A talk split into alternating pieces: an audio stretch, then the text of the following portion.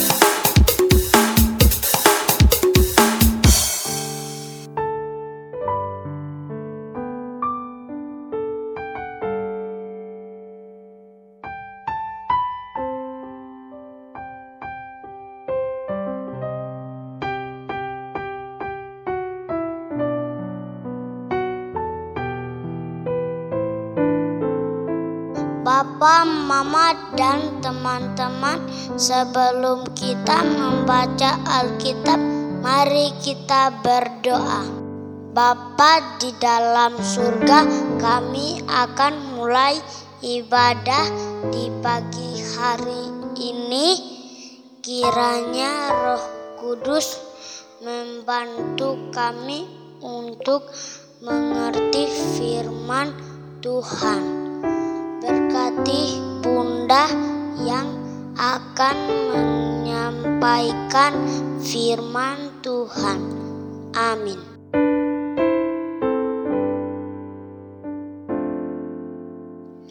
Adik-adik, pembacaan firman Tuhan di pagi hari ini terdapat di dalam kitab Hakim-Hakim pasal 14 ayat 1 hingga ayatnya yang ke-19.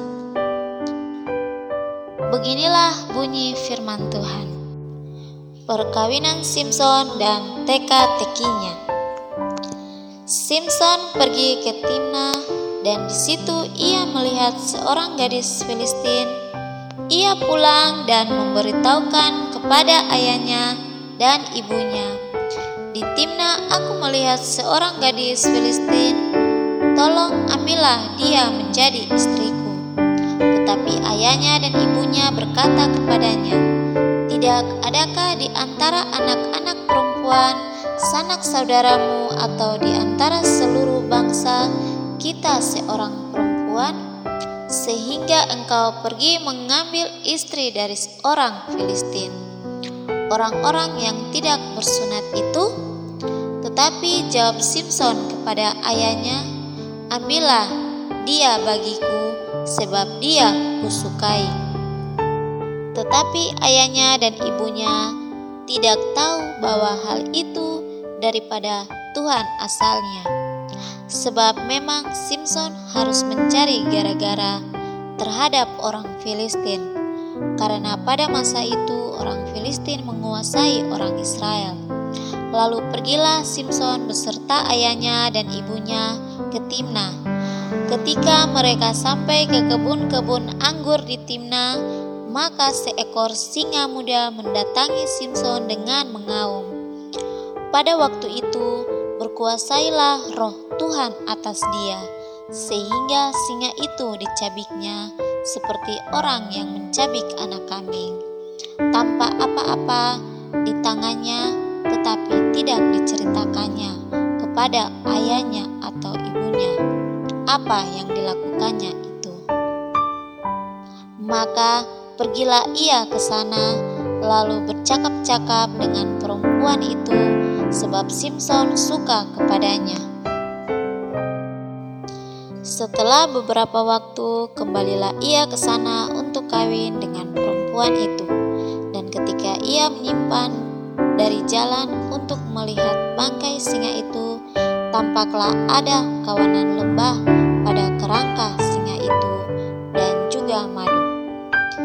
Dikeruknya madu itu ke dalam tangannya dan sambil memakannya, ia berjalan terus, kemudian pergilah ia kepada ayahnya dan ibunya, dan memberikannya juga kepada mereka. Lalu mereka memakannya, tetapi tidak diceritakannya kepada mereka bahwa madu itu dikeruknya dari kerangka singa. Setelah ayahnya pergi kepada perempuan itu, Simpson mengadakan perjamuan di sana, sebab demikianlah biasanya dilakukan orang-orang muda. Ketika mereka melihat dia, dipilihlah 30 orang kawan untuk menemani dia.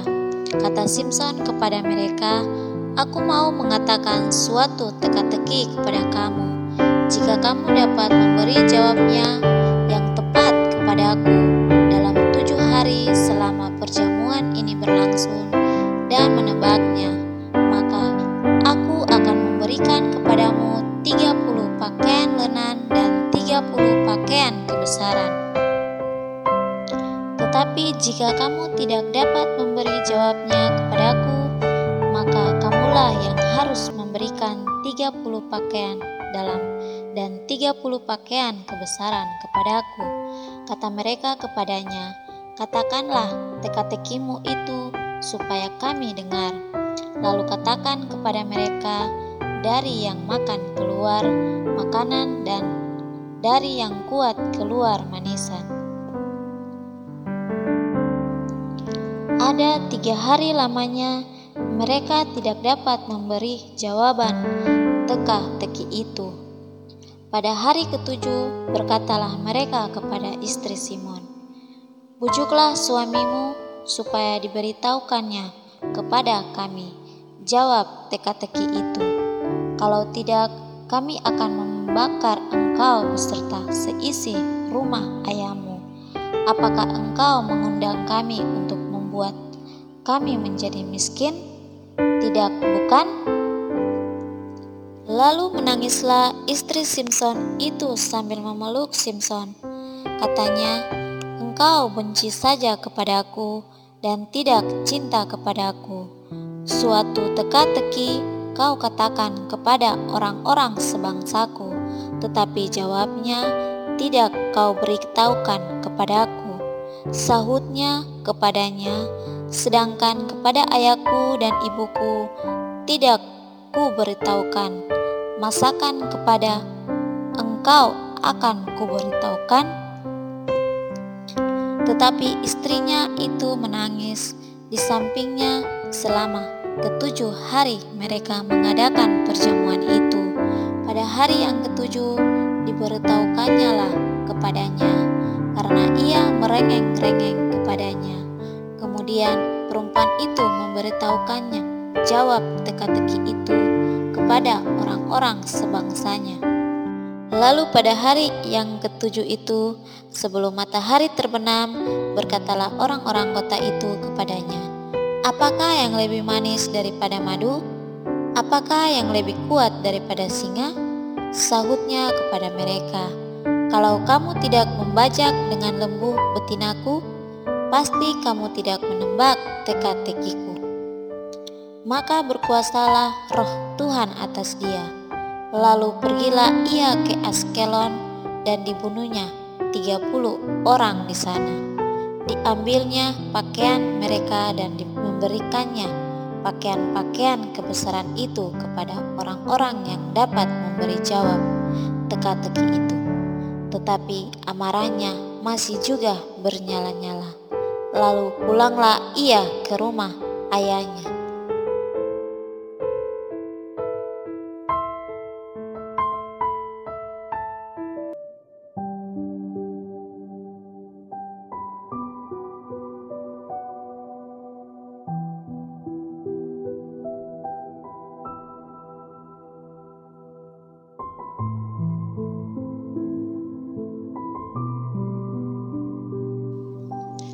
Cerita kita di pagi hari ini adalah selalu mengandalkan Tuhan. Adik-adik yang dikasihi oleh Tuhan Yesus Kristus, kita sudah belajar tentang Daud, kita juga sudah belajar tentang Yusuf. Mereka adalah anak-anak muda yang sederhana. Walaupun masih muda dan hidupnya sederhana, tetapi karena hati mereka baik, selalu bersyukur, serta senantiasa mengandalkan Tuhan dalam hidupnya, maka Tuhan memakai mereka menjadi berkat dan pemimpin yang sangat luar biasa. Semua itu terjadi atas kehendak dan kemurahan Tuhan dalam kehidupan Daud maupun Yusuf. Nah, adik-adik yang dikasihi oleh Tuhan Yesus Kristus, pagi ini kita akan kembali lagi belajar tentang seorang yang juga dipakai oleh Tuhan dengan sangat luar biasa. Namun, sebelumnya Bunda mau bertanya, siapa yang tahu hewan yang namanya singa? Ya, singa adalah salah satu hewan yang sangat buas. Badannya besar dan kuku-kuku serta gigi taringnya yang sangat tajam. Sehingga bisa mencabik-cabik apa saja yang diterkamnya sebagai makanannya. Wow, coba kalau kita manusia yang bertemu dengan singa. Pasti kita akan diterkam dan dicabik-cabik sangat menakutkan ya. Tapi tidak dengan orang ini. Hmm, adik-adik tahu siapa dia? Ya, benar. Dia adalah Simpson. Simpson ini ayahnya bernama Manoah. Sejak kecil, Simpson sudah diberikan kekuatan oleh Tuhan. Simpson orang yang sangat kuat sehingga apa saja dapat dikalahkannya. Bahkan singa yang jahat juga bisa dikalahkan oleh Simpson. Wah, hebat sekali ya. Simpson juga tidak takut kepada orang-orang yang memusuhi bangsanya. Bahkan ia suka berjalan-jalan dan mengunjungi tempat orang-orang yang memusuhi bangsanya itu. Pada suatu hari, Simpson ketika ia bertemu dengan orang-orang yang memusuhi bangsanya, ia menanyakan sebuah teka-teki kepada mereka. Jika mereka dapat menjawabnya, maka Simpson harus membayar kepada mereka. Tetapi kalau tidak, mereka yang harus membayar kepada Simpson. Setelah Simpson bertanya kepada mereka, orang-orang itu berusaha mencari jawabannya. Tetapi karena mereka tidak bisa menjawab pertanyaan itu, mereka melakukan kecurangan dengan bertanya kepada teman Simpson, yaitu istrinya. Sebenarnya, Simpson tidak mau memberitahukan jawabannya, tetapi karena selalu diminta, bahkan temannya sengaja menangis. Akhirnya Simpson memberitahukan jawabannya. Adik-adik yang dikasihi oleh Tuhan Yesus Kristus, akhirnya teka-teki itu pun dijawab oleh orang-orang itu. Atas jawaban yang sudah diberitahukan oleh temannya Simpson, yaitu istrinya. Aduh, kasihan sekali Simpson ya. Ia tertipu sendiri oleh temannya atau istrinya. Akhirnya, Simpson harus membayar mereka sesuai dengan perjanjiannya. Maka Simpson pergi dan membunuh 30 orang di Askelon dan membawa pakaian-pakaian kebesaran mereka dan memberikan kepada orang-orang yang telah menjawab teka-tekinya itu. Aduh, ternyata Simpson walaupun menjadi orang yang sangat kuat, tetapi ia sangat gampang ditipu. Kenapa bisa terjadi? Ternyata Simpson karena merasa dirinya sangat kuat, sehingga ia lupa untuk meminta tuntunan dari Tuhan. Ia lupa berdoa kepada Tuhan untuk memberikan hikmat agar ia bisa membedakan mana yang baik dan mana yang buruk. Simpson lupa kalau kekuatan yang ia miliki adalah pemberian dan anugerah dari Tuhan kepadanya. Sehingga ia dengan sangat mudah jatuh tertipu dan akhirnya kalah. Nah, adik-adik yang dikasihi oleh Tuhan Yesus Kristus, dari pelajaran kita hari ini tentang Simpson, Tuhan juga memberikan adik-adik kemampuan untuk melakukan sesuatu. Ada yang bisa menggambar, ada yang bisa menyanyi, ada yang punya badan besar dan kuat. Tuhan memberikan kita kepintaran. Semua itu diberikan oleh Tuhan supaya adik-adik bisa pakai untuk hal yang baik. Tuhan juga mengajarkan supaya adik-adik yang diberikan kelebihan oleh Tuhan jangan menjadi sombong, tetapi selalu ingat kepada Tuhan, supaya Tuhan selalu menjaga adik-adik dan tidak ada yang bisa menipu adik-adik untuk melakukan hal-hal yang tidak baik. Ingatlah selalu bahwa apa yang adik-adik peroleh saat ini itu semua adalah pemberian dan anugerah dari Tuhan. Maka harus dipakai untuk kemuliaan nama Tuhan. Siapa yang selalu mengandalkan Tuhan, hidupnya pasti diberkati. Tetapi siapa yang sombong dan mengandalkan kekuatannya sendiri, sudah pasti ia akan jatuh dan apa yang menjadi impiannya tidak akan tercapai. Jadi, tetaplah selalu untuk bersyukur dan selalu mengandalkan Tuhan dalam hidupmu. Tuhan Yesus memberkati kita. Amin. Aktivitas kita di pagi hari ini adalah untuk kelas TK dan anak kecil mencari enam perbedaan pada gambar dan diwarnai. Untuk kelas tanggung dan remaja, mencari kata-kata yang tersembunyi di dalam kotak. Selamat berkarya. Anak-anak yang dikasihi Tuhan Yesus, saat ini kita akan mengumpulkan persembahan syukur. Untuk mengiringinya, kita bernyanyi bersama dalam pujian Terima kasih Tuhan.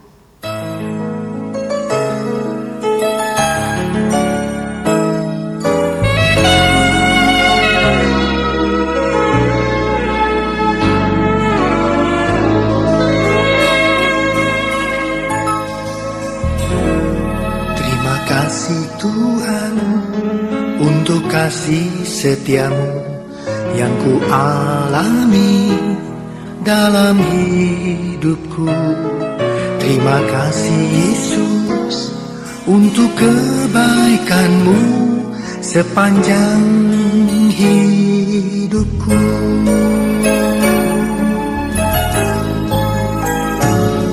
Terima kasih Tuhan untuk kasih setiamu yang ku alami dalam hidupku.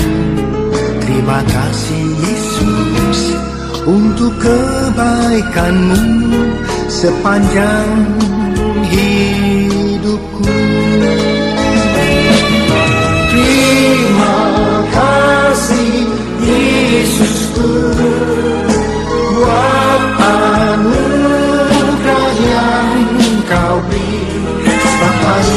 ini Tuhan adakan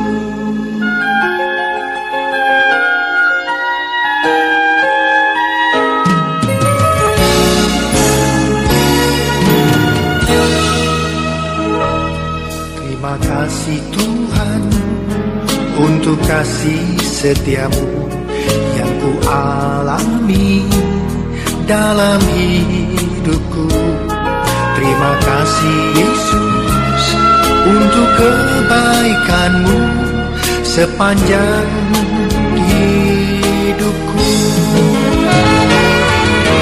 Terima kasih Yesusku buat anugerah yang kau beri Sebab hari ini Tuhan adakan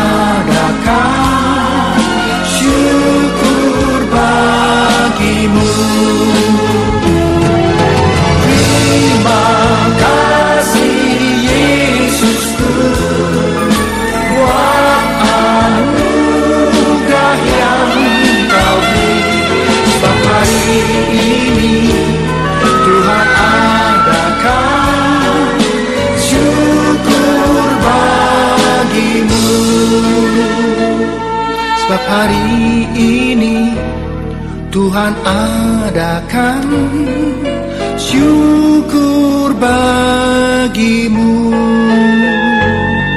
Sebab hari ini Tuhan adakan syukur bagimu.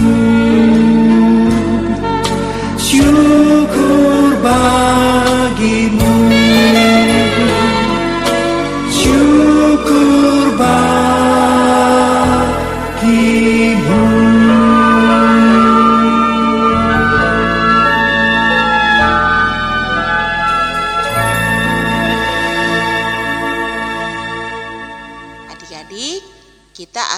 syukur dan berkat. Tangannya diangkat ke atas, turunkan pelan-pelan, dilipat. Mari kita berdoa. Bapa Sorgawi, kami mengucap syukur atas firman yang kami dengar di pagi hari ini. Bapa menginginkan kami, anak sekolah minggu Ishak Semelkene, menjadi anak yang mengandalkan Tuhan dan tidak sombong. Bapa, bantulah kami dengan roh kudus agar kami mampu melakukan kehendak Tuhan dalam kehidupan kami setiap hari. Bapa Surgawi, kami anak-anakmu telah memberikan persembahan syukur. Bapa memberkati persembahan ini demi memperluas pekabaran Injil di tanah Papua, terutama di jemaat kami Ishak Semelkene Samova. Bapa Surgawi, dalam doa syukur ini kami doakan pemimpin-pemimpin kami, baik pemimpin di pemerintahan dan pemimpin-pemimpin di gereja di tanah Papua. Berikanlah kepada mereka berkat, hikmat, kekuatan, dan kesehatan, agar mereka dapat memimpin kami dengan bijaksana sesuai dengan kehendak-Mu. Bapa Surgawi, kami doakan orang tua kami. Bapa memberkati mereka, berikanlah kesehatan, hikmat, agar mereka dengan penuh hikmat dapat mengajarkan kami tentang perbuatan baik. Mereka juga dengan penuh kekuatan dan kesehatan mencari nafkah bagi kami. Bapa Surgawi, kami mohon berkatilah kami. Berikanlah kepada kami kesehatan, cukupkanlah makan minum pakai kami, serta umur yang panjang, agar kami terus kuat dan berani mewujudkan kerajaan Allah di bumi lewat perbuatan kami, yaitu mengandalkan Tuhan dalam hidup kami dan tidak sombong. Inilah doa syukur kami. Ampuni semua salah dan dosa kami, dan Bapa dengarlah doa kami yang kami panjatkan kepada Bapa di surga melalui Tuhan kami, Yesus Kristus. Amin. Hai hai hai, ibadah kita telah selesai. Jaga kesehatan ya, selalu cuci tangan, pakai masker jika keluar rumah. Makan makanan bergizi dan istirahat yang cukup. Jangan lupa aktivitasnya ya. Ingat, selalu berdoa, tetap semangat dan sukacita. Bunda Yula, Bunda Mina, Adik Ebi, dan Bunda Nona mengucapkan terima kasih. Selamat berhari Minggu, Allah beserta kita. Shalom.